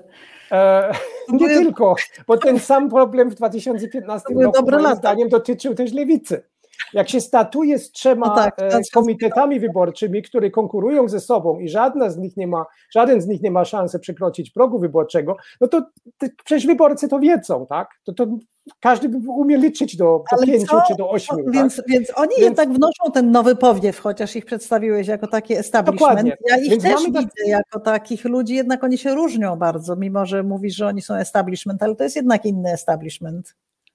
To jest inny establishment, ponieważ dotychczas na, na szczeblu federalnym nie rządzili. Znaczy, dotychczas e, w czasach Schrödera no, rządzili, ale jako mniejszy partner i to byli zupełnie inni politycy. To była na przykład partia znacznie bardziej zdominowana przez e, mężczyzn. E, sam fakt, że, że właściwie e, Annalena Baerbock musiała się tylko powołać na to, że jest kobietą, żeby zostać, e, żeby zostać kandydatką na, na, na kanclerza, już o czym świadczy, prawda, o atmosferze, która też zmieniła się w tej partii. Ona nie jest, ona nie jest kopią Joszki Fischera, który też jakby dzisiaj na to patrzeć, a wtedy to był e, były buntownik i też e, świeża krew i tak dalej, prowokacja i tak dalej, ale jak się dzisiaj na to patrzy, jak on się zachowywał e, na zjazdach partyjnych, publicznie, prywatnie, nawet w życiu osobistym i tak dalej, no to byśmy powiedzieli, no to dziaders jest, no. Nie, nie ma, ja przepraszam, po polsku mogę to tak nazywać, ja nie, nie wiem jak to tłumaczyć na niemiecki, ale, ale to się dość dobrze, że tak powiem, oddaje E, tą różnicę, tak? Więc e, to jest, jakby to powiedzieć, no, tak, tak, tak, tak to wygląda, e, a, to, a, oni, a im się chce, znaczy oni razem z, e, z Habekiem... Ale co im, się, co im się takiego chce, że oni tych ludzi pociągają? Bo, to nie, bo, bo można powiedzieć tym tanim populistom, którzy w końcu, w końcu w Polsce wygrali wybory niestety, y, no właśnie też się mówiło, że im się chce, prawda, ale im się chciało tego populizmu i tego oszukiwania ludzi, okłamywania, co świetnie robią dalej. Ale przecież oni nie są populistami, czy ona jest, ma też takie elementy. Co, co to jest znaczy, takiego, że nie, dzisiaj już nie, ale po początki Zielonych, tak jak ja to no, pamiętam jeszcze z, moich, z mojej osobistej historii, no to było skrajnie populistyczne. To była nieufność do elit, to była nieufność do państwa, to byli teorie spiskowe na każdym kroku, to był duży sceptycyzm wobec postępu no, ale technicznego. Ale nie reprezentują sobą, tylko nie, mają dzisiaj to jest zupełnie inna partia, to, no ale właśnie. to już nie wiem, ile razy już to powiedziałem. E, ale to zobacz, jest zupełnie inna partia. nie reprezentują, ale... są, są tym establishmentem i, wygrywa, i wygląda na to, że wygrają wybory przy takim programie, który może się z naszej wschodnioeuropejskiej perspektywy wydawać się dosyć niebezpieczny, jak na przykład to kompletne wycofanie broni jądrowej z całe, w ogóle z Europy najchętniej, ale zaczynając od Niemiec, y, zatrzymanie, prawda, właśnie mm, energii jądrowej całej mm, i mnóstwo innych rzeczy, które dla nas mogą brzmieć trochę niepokojąco. To nie, Niemców to nie niepokoi? Wszystko się zgadza, wszystko się zgadza. Natomiast to, co stanowi o tej różnicy w Niemczech, to jest to, że oni wysyłają bardzo wyraźny sygnał: jesteśmy gotowi rządzić, chcemy rządzić, dajcie nam głos. A jak rządzić, to ludzi nie interesuje. A, a, a co i jak? Okej, okay, no jak mówiłem, no, dominujące wszystko jest w tej chwili, dominującymi wszystko tematami to są, to są w tej chwili zmiany klimatyczne i pandemia. Na temat pandemii oni mają jasne stanowisko, na temat zmian klimatu mają jasne stanowisko. W obu przypadkach są dość wiarygodni. W dodatku jest to partia, która na federalnym, na szczeblu federalnym przez ostatnie 12 lat, jeśli dobrze pamiętam, e, czy nawet 16, e, nie rządziła, znaczy do 2005. 2000, Czyli też no, taka potrzeba świeżości tak. istnieje w Niemczech na całym e, nie, nie rządzili, natomiast e, też nie można powiedzieć, tak jak w przypadku AfD na przykład, że oni są kompletnymi nowicjuszami, którzy się nie znają na niczym, ponieważ w, w kilku, nawet kil, w kilku, no, w kilku landach, e, krajach związkowych e, siedzą w parlamencie, znaczy we wszystkich, chyba we wszystkich siedzą w parlamencie, E, albo prawie we wszystkich, e, a w niektórych współrządzą i to już kolejny raz. I w bardzo różnych e, koalicjach. Z Hadecją, czasami z Hadecją jako większy, większy partner, jak na przykład w pandemii Württembergi, skąd, skąd pochodzę, prawda? W, w, w Berlinie, w, w przeszłości też było w Hamburgu,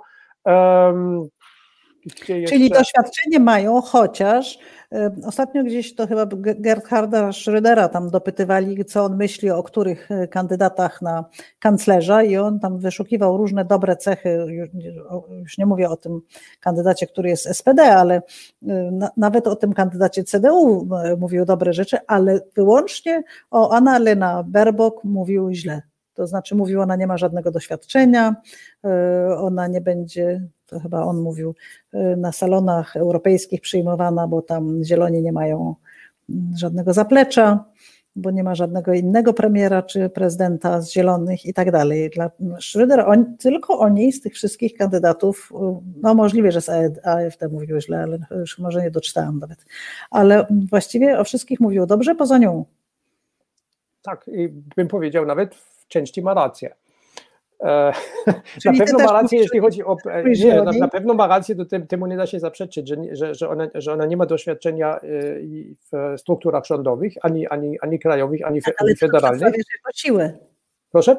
Ty to przedstawiasz jako taki atut, który właśnie ludzi pociąga. Nie, to, jest, to, to, może, to, to w dużej mierze jest atut w oczach wyborców. To, to, to, to, jest taki problem, że prawda, że Hadecja też to ma. Czy mamy wybrać tego kandydata, który ma szansę wygrać wybory, czy tego, który ma szansę zostać dobrym kanclerzem? No więc jeżeli ja nie wiem, czy ona by... będzie, ja nie wiem, czy ona będzie dobrym kanclerzem, e, ale na pewno e, ona bardzo dobre szanse ma, żeby wygrać te wybory dla Zielonych.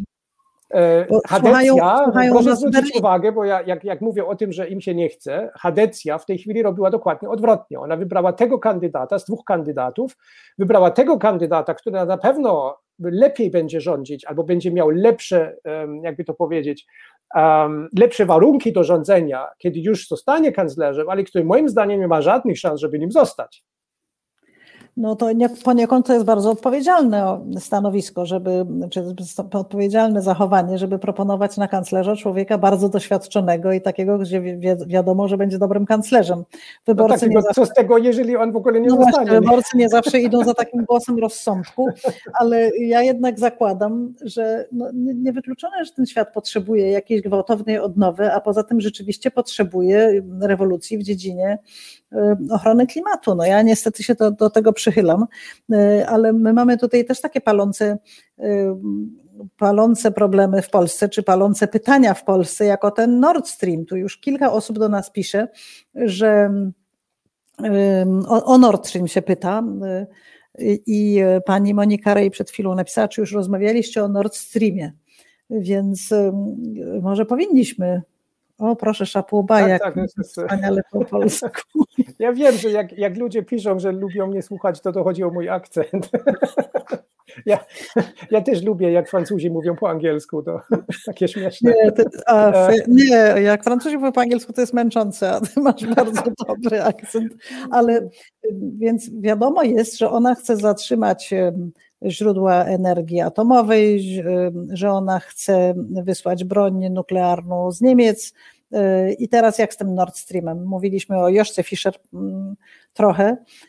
Schröder ją od razu skrytykował, więc już tutaj ktoś napisał jasne, że Schröder ją krytykuje, dlatego że ona jest przeciwna Nord Stream 2, pan Matuzik. Czy, czy ty myślisz, że oni skończą tą budowę Nord Streamu, jeżeli będzie zielona kanclerka? I czy myślisz, że nim coś popłynie? Ja mam dwa pytania takie, możesz mówić, co ty uważasz, bo niekoniecznie musisz być specjalistą od energii od Nord Streamu, ale nie, co ty nie, uważasz nie jako Klaus Bachmann? Zdecydowanie, zdecydowanie nie jestem. E, zieloni są przeciwko e, Nord Stream. E, to jest. Ale dzisiaj HDC właściwie też. To znaczy, my w Parlamencie Europejskim jesteśmy też przeciwko Nord Stream i nasz szef, który jest akurat Bawarem, tak się składa, Manfred Weber, zawsze był przeciwny Nord Streamowi i głośno o tym mówił. Także to jest chyba coraz szersze w Niemczech. Tak, to, znaczy w, Nie, w, Niemczech mamy partie, które mają jednolity stosunek do tego i takie, które mają podzielone. E, podzielone są, jest tradycja, bardzo zależy na przykład w którym kraju związkowym pytamy, prawda? Mhm. E, to jest pierwsza rzecz.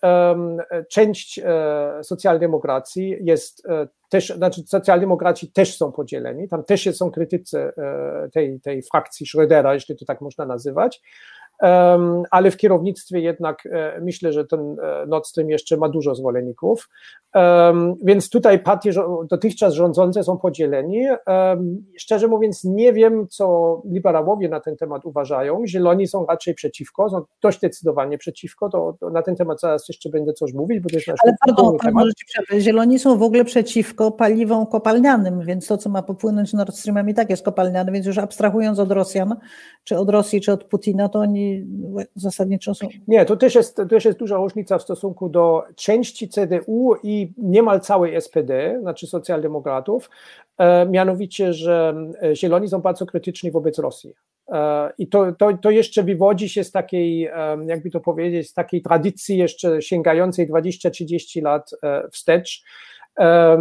Zieloni zawsze się starali, czy, czy bardzo, bardzo angażowali, na, angażowali się na rzecz praw człowieka. Tak, e, I, ma, I, mają taki strasznie, tylko mnie czasami e, też denerwuje z tego powodu, taki moralizatorski stosunek do świata. Że, że cały świat powinien przestrzegać ich wartości, obojętne który kraj to jest. I wówczas, e, w tych dawnych czasach, 20, 30 czy więcej lat temu, to, to dotyczyło też Stanów Zjednoczonych i to, był taki, to była taka kontrwaga, że oni też krytykowali Związek Radziecki, który dla wielu lewicowców na, na Zachodzie był takim wręcz wzorem, czy takim ideałem, prawda, czy idolem.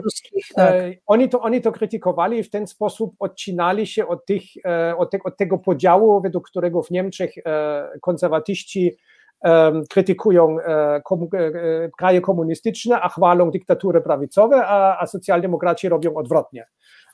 To, tu, tu pod tym względem to faktycznie było, było dość nowe podejście, żeby krytykować jednych i drugich, to znaczy, żeby być na przykład przeciwko obecności Amerykanów e, w Azji albo w Ameryce Łacińskiej, to jeszcze sam pamiętam takie kampanie wówczas, ale też, żeby jednocześnie też krytykować Związek Radziecki za naruszenie praw człowieka, za prześladowanie dizydentów i tak dalej. Więc, no ale dzisiaj muszę przyznać, to też oni są ogromnym wsparciem dla walki o wolne sądy, e, dla tego, co Polacy chcą wsparcia od Komisji Europejskiej, żeby przestrzegała artykułu drugiego traktatów, to znaczy, żeby w Polsce nie łamano prawa i nie łamano własnej konstytucji, nie łamano prawa europejskiego. Zieloni są w tej dziedzinie bardzo aktywni. Ja w ogóle myślę, że będą szli jeszcze dalej, tylko ciekawa jestem, czy przy Anna Lena Berbok, czy uważasz, że, znaczy teraz nie, może nie o prawach człowieka, tylko czy myślisz, że że coś z tym Nord Streamem, że, że coś spektakularnego się stanie. Czy w ogóle kanclerz niemiecki może zatrzymać taką budowę, bo przecież to jest inwestycja jakichś wielkich przedsiębiorstw, a nie rządu, więc nie wiem, czy może zatrzymać budowę. Albo czy myślisz, że możliwe, że będzie pusta ura leżała na dnie Bałtyku i oni nie będą kupować po prostu tej ropy? Tego to gazu? Jest, to, jest, to jest całkiem możliwe, e, również ze względu na przykład na ruchy cen albo na zmianę w ogóle cen energii. E, nie jestem specjalistą od tego, ale to mogę sobie wyobrazić. E, nie sądzę, żeby oni byli w stanie to zastopować, nawet gdyby chcieli. To nie jest ich priorytet. To na pewno nie będzie. Czy to jest ich gestii, czy to jest w ogóle w gestii kanclerza? Bo ciągle się mówi, czemu Merkel się zgodziła na budowanie Nord Stream 2. Czy to jest w jej gestii, żeby to zatrzymać?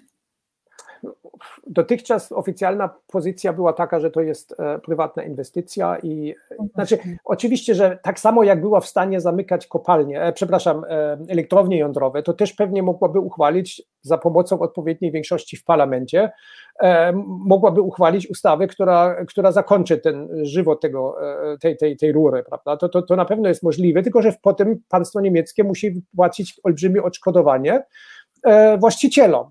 Ale Więc, żywot e, rury, czy tego, co płynie tą rurą? Nie, no, kup, kupować, kupować gaz to jest kwestia tych, którzy właśnie kupują ten gaz, tak? Mogą mhm. kupować, mogą nie kupować. E, natomiast samo istnienie na terenie Niemiec, no to jest kwestia rządu federalnego. E, I, I pod tym względem można oczywiście odpowiednią inicjatywę ustawodawczą e, uchwalić, tylko że trzeba pamiętać, że w Niemczech jest Trybunał Konstytucyjny, który jest bardzo ostry i naprawdę niezależny od rządu. I on może tak samo jak to było w przypadku, w przypadku e, zamykania elektrowni jądrowych, może po prostu nakazać, jeśli rząd tego nie negocjuje, no to może rządowi nakazać, żeby wypłacić odpowiednie duże odszkodowanie, z czego na pewno też skorzysta wtedy Gazprom. Więc krótko mówiąc, e, może zamkną to, ale pieniądze dla Gazprom i tak będą, tak? Czyli te, e, tak, spektakularnych jakichś zmian tu się nie ma co spodziewać, dlatego że ten temat jest tak złożony. Jeden to jest budowa rury, drugi to jest zakupy potem energii, która będzie, która będzie płynęła przez tą rurę. E, I trzecia rzecz jest taka, że to jest międzynarodowa inwestycja. Ten Nord Stream 2 to nie jest tylko niemiecka inwestycja. Przecież to jest konsorcjum międzynarodowe. To, I tu jest pewien, to, pewne pole, że tak powiem, do, do prowadzenia polityki przez Zielonych, ponieważ oni wtedy mogą na przykład wycofać się z tych, z tych wszystkich inicjatyw e, obecnego rządu niemieckiego, e, który zmierzał do tego, żeby to właśnie uznać za, znaczy, żeby uznać, przepraszam, jurysdykcję za tą e, nad tą rurą za, za, niemiecką, a nie za europejską, tak? Mm-hmm. Żeby mm-hmm. zgodzić się na europeizację um, tej rury i poddanie jej na przykład kontroli Komisji Europejskiej. Mhm. Przepraszam, ja mam komisja... problem teraz, bo ja za dużo gadam. A masz wodę? O, ja też mam. Mm. Tak, tak. Mm. Natomiast wątpię, Komisja Europejska już się bardzo krytycznie wypowiadała o, o tej inwestycji, więc, ale generalnie, bo to się, ci zieloni łączą się z taką pewną nadzieją, muszę przyznać, y, dla wielu Polaków, że oni są właśnie, tak jak powiedziałeś, bardzo krytyczni w stosunku do polityki rosyjskiej i, i byli zawsze, y, że bardzo walczą o prawa człowieka i właśnie o ten drugi artykuł w y, traktatach, który mówi o przestrzeganiu prawa, demokracji, praw mniejszości, praw człowieka, praw mniejszości, wolne media, prawda? E, I, i, I, jak największy kraj w Unii Europejskiej jest rządzony przez, przez Zielonych, to dla wielu Polaków rządzonych przez PiS e, to jednak łączy się z pewną nadzieją. No i właśnie to tak, tak. trzeźwe patrzenie na Rosjan. To jest w dużej mierze uzasadnione, ponieważ obecne kierownictwo, tak jak Annalena Baerbock, to są młodzi ludzie. To są młodzi ludzie, właśnie to, że nie mają jeszcze tej, tego doświadczenia w, w dyplomacji, e, który powoduje, że dyplomacja niemiecka często jest bardzo dyplomatyczna, jeśli chodzi o e, takie rzeczy jak praworządność w Polsce i zasłania się na przykład Komisją Europejską albo innymi tak. instytucjami, prawda, to, to jest mniej prawdopodobnie u nich. E, oni mają taką tendencję, żeby powiedzieć, na czym jest czym jest rzecz, prawda, a nie owijać e, w bawełnę. E, to, to, to myślę, że tutaj na pewno będzie zmiana, zmiana stylu. E, trzeba jednak też wiedzieć, że wśród zielonych też są ludzie, którzy, ja przepraszam z góry za ten może bardzo skrótowy, e, bardzo skrótowe sformułowanie, które teraz użyję, e, którzy uważają, że ponieważ Niemcy w 1939 roku napadli na Polskę, to Niemcy dzisiaj nie mogą krytykować Polski za brak praworządności. To jest takie myślenie, które jest dość, nie, mam, nie, nie, nie powiem, że powszechne, ale bardzo popularne na przykład wśród socjaldemokratów. Tak? Ale też w starszej oni... generacji, już mam wrażenie, że wśród tych młodszych ludzi nie. Też, też, też. Ja też osobiście, osobiście się, znaczy się z, tym, z tą tak argumentacją uważam. spotykałem. Nie, nie, nie w takiej jaskrawej formie, jak to teraz mówię, ale. Więc jak to jest? A na pewno nie jesteś Hadekiem. nie, mogę, znaczy, to jest, ja w ogóle na ten, na ten temat to lepiej nie rozmawiać, bo no nie, to wróćmy do, wróćmy do zielonych. Wróćmy do zielonych. Miałem już kiedyś e, w takiej mocno obsadzonej przez e, prawicowców e, audycji telewizyjnej różni ludzie oskarżyli mnie, że jestem rzecznikiem niemieckiego rządu w czasach Angeli Merkel. Ale mnie też o to oskarżają przecież bez przerwy. Przy czym ja nawet, przy czym ja nigdy nie głosowałem na Hadecję. Tak się domyślam. Ja, ja mam taki, ja, tak, ja wiem, że mam w Polsce taką opinię, jakbym był obrońcą Angeli Merkel, ale ja nigdy za nią nie, nie głosowałem, więc. No więc nie, ale z, to jest... z, drugiej, z drugiej strony, jako były, e, no nawet nie były członek partii, nie byłem, ale jako były członek listy zielonych, E, kompletnie się nie zgadzam z ich stosunkiem do e, na przykład zbrojenia i to chodzi też o na przykład eksport e, niemieckich, niemieckiej broni na, na w różne, jakby to powiedzieć, w różne kon, kon, konflikty, tak, miejsca zapalne na świecie. Nie zgadzam się z ich stosunkiem, nigdy nie zgadzałem się z ich stosunkiem do energii atomowej. I, w tych sprawach e, historycznych też bardzo często się nie zgadzam. no ale tak jest, no. W ten sposób zostałem rzecznikiem Angeli Merkel w Polsce. Tak, ale to jest kilku rzeczników. Nie, myślę, że jeśli chodzi o praworządność i podobne problemy, to znaczy e, demo, związane z, z, demokracją w innych krajach członkowskich, że, że to będzie bardziej, bardziej z otwartą przybicą niż, niż było to w przypadku Angeli Merkel, czy, czy nawet ministrów spraw zagranicznych z SPD, które, które mieliśmy.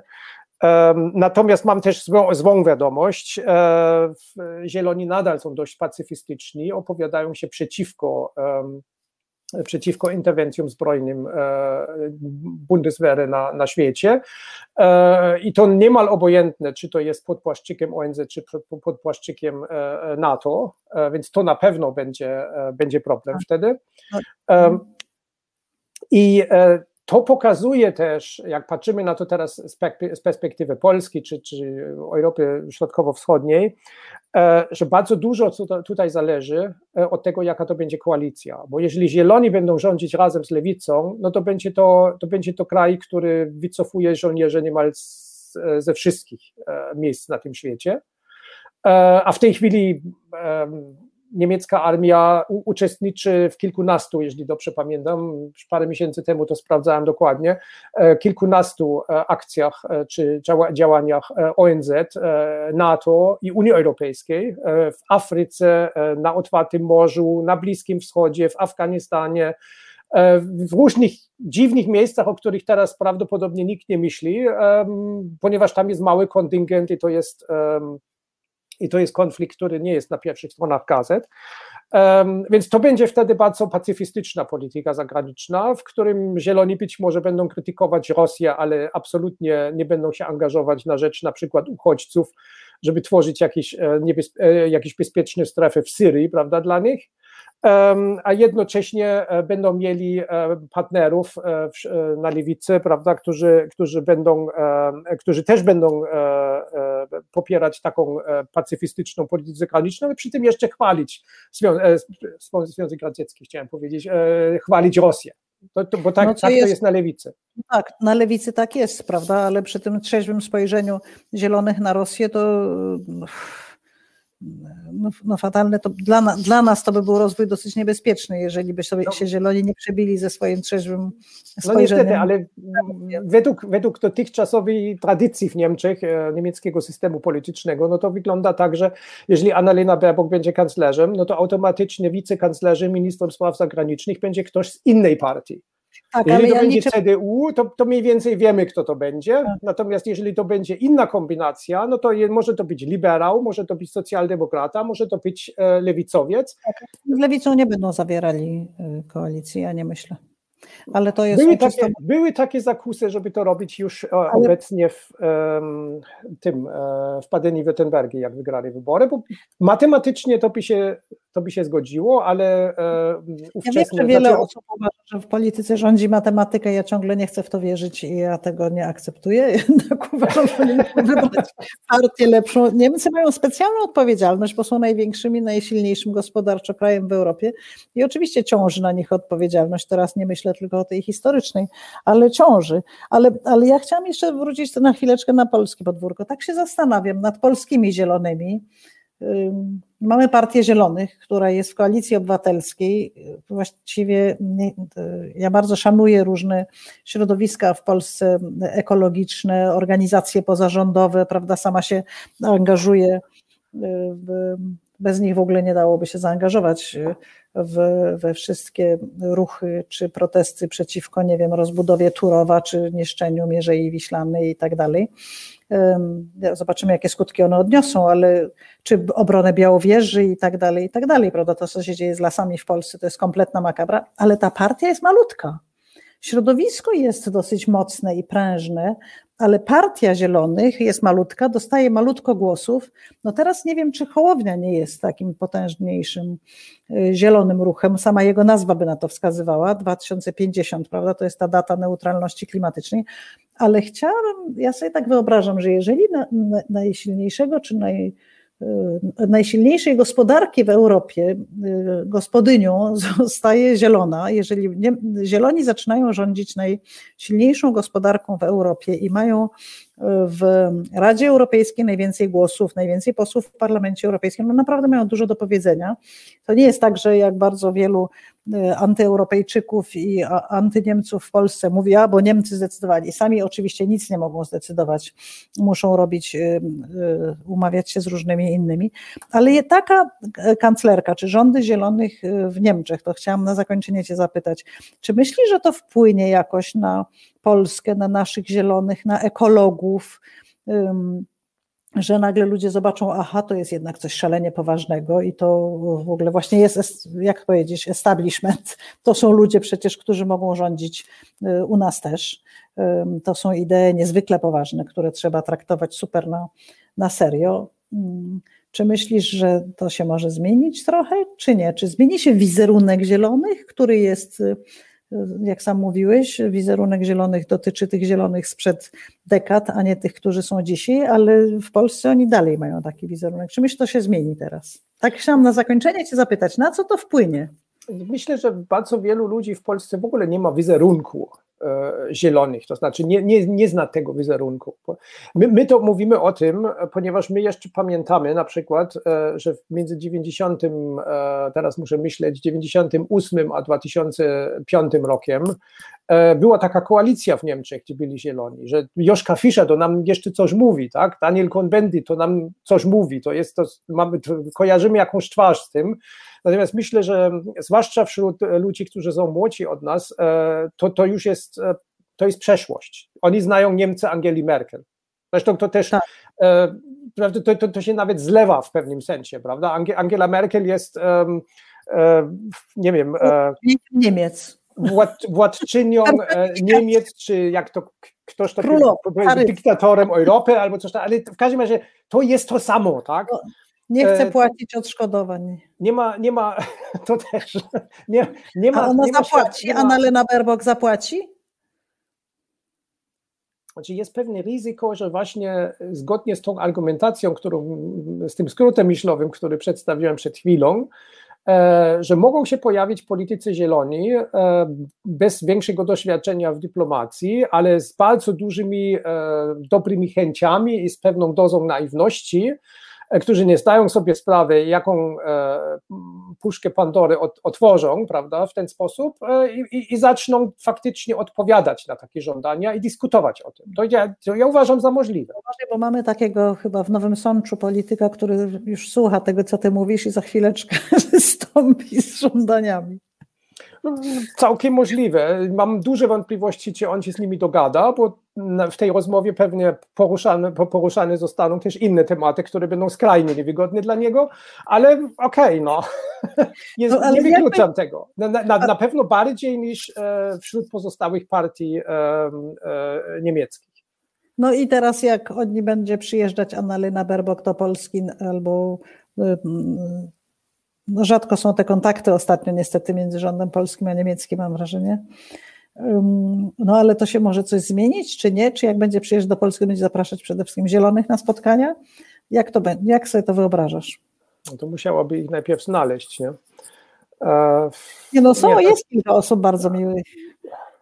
Ale to wtedy ona by przyjechała jako kanclerz i to nie, nie no, jako. jako kanclerz, tak. No. To, to e, ewentualnie będzie spotkanie z e, Roberta Habecka albo nie wiem, nowego kierownictwa Zielonej, bo wtedy muszą wybrać nowe e, w ambasadzie niemieckiej i nie wiem. No właśnie, ale, ale to, to jest rewolucja, bo to jest w Polsce malutka partyjka jednak, bardzo ludzie zaangażowani i szlachetni, ale mała, mała grupa ludzi, prawda, a tutaj nagle y, mają takiego partnera, zresztą oni bardzo blisko współpracują, ci polscy zieloni z zielonymi niemieckimi, bo, bo jedni i drudzy są federalistami, więc widzą Europę jako całość, więc ja myślę, ja, ja mam wrażenie, ja mam wrażenie, że się bardzo dużo może zmienić przez to, że zieloni dostaną innego wizerunku i że ludzie, którzy się wyśmiewają z Grety Thunberg na przykład i w ogóle widzą wszystkie ruchy ekologiczne i klimatyczne jako takie właśnie, y, przedstawiają Gretę Thunberg jako niedojrzałą dziewczynkę i tak dalej, kiedy ja uważam, że ona poruszyła niesamowicie dużo sumieni, w ogóle ma wielkie, kolosalne zasługi ta dziewczynka, ale, ale myślę, że to się właśnie może bardzo zmienić, że się ten zielony ład, który już jest linią wiodącą w tej chwili w naszej polityce europejskiej, że on może jeszcze się wzmocnić i że może to jednak jest szansa, że, że coś naprawdę dla tego klimatu w końcu zrobimy. Tylko oczywiście, że sobie wyobrażam i tego tu nie rozwiążemy w naszej rozmowie. Nie wiem, czy wiesz, że rozmawiamy już chyba półtorej godziny. Jeśku, przepraszam Cię bardzo. Dziękuję bardzo wszystkim Państwu, którzy y, do nas piszą i zadają pytania i pozdrawiają. Ale ja myślę jednak, że to jest postawienie na temat y, absolutnie palący w taki sposób, jak to oni robią od dawna, coraz, coraz bardziej, y, mniej emocjonalnie, a bardziej profesjonalnie. Ja jednak dość optymistycznie muszę przyznać, jako chadeczka, patrzę na, na ten potencjalny wybór y, zielonej polityczki, kobiety znowu w Niemczech. Może to już będzie tradycja, że teraz będzie kilka kanclerek pod rząd, ale wydaje mi się, że to, co się naprawdę może zmienić, to jest ten y, zaplecze zielonych będzie silniejsze w Brukseli, w polityce europejskiej, bo, bo nie ma żadnego rządzącego. W Radzie Europejskiej nie ma nikogo y, zielonego, dlatego że, że nie ma żadnego szefa y, państwa. I bardzo dziękuję za miłe słowa pani Magda Ko.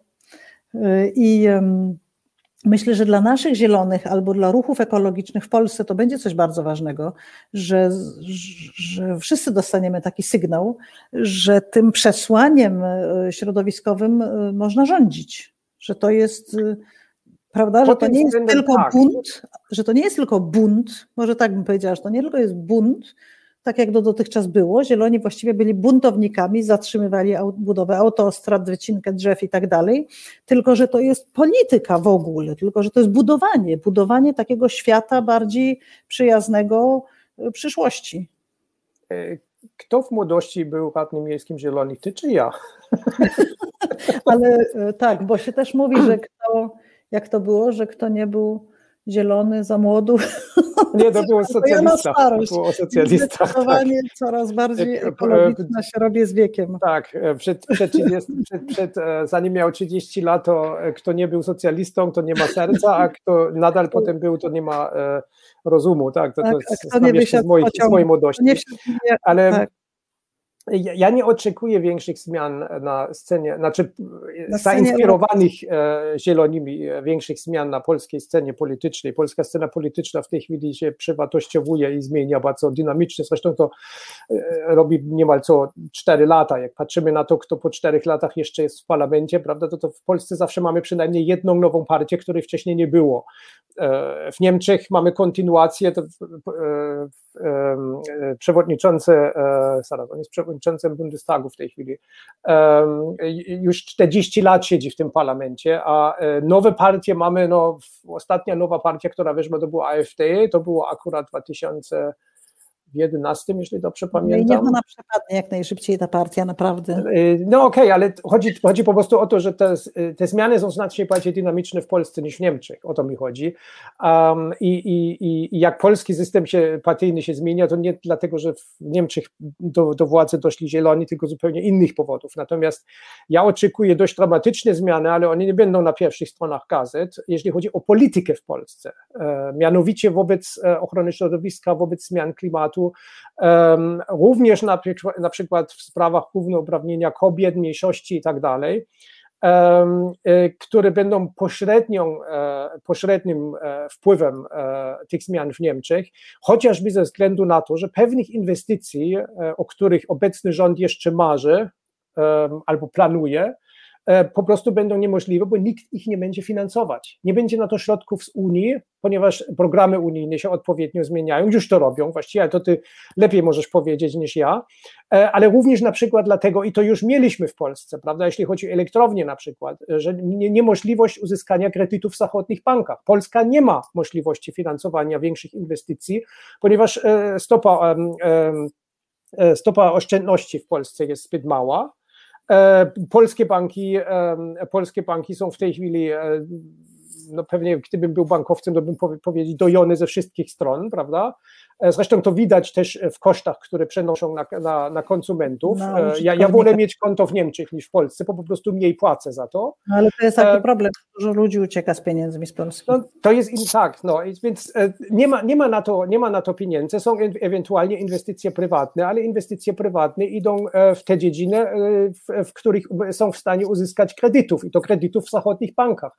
Więc jeżeli wyjdzie taki sygnał, że, że odchodzimy od, od węgla, od- odchodzimy od energii e, Od jądrowej, paliw odpalnianych. to, to e, nie ma po prostu możliwości finansowania takich inwestycji. I, to, i tu widzę największe zmiany, że, że, że zieloni u władzy to jest sygnał w całej Europie dla inwestorów, dla funduszy no inwestycyjnych, dla banków, prawda?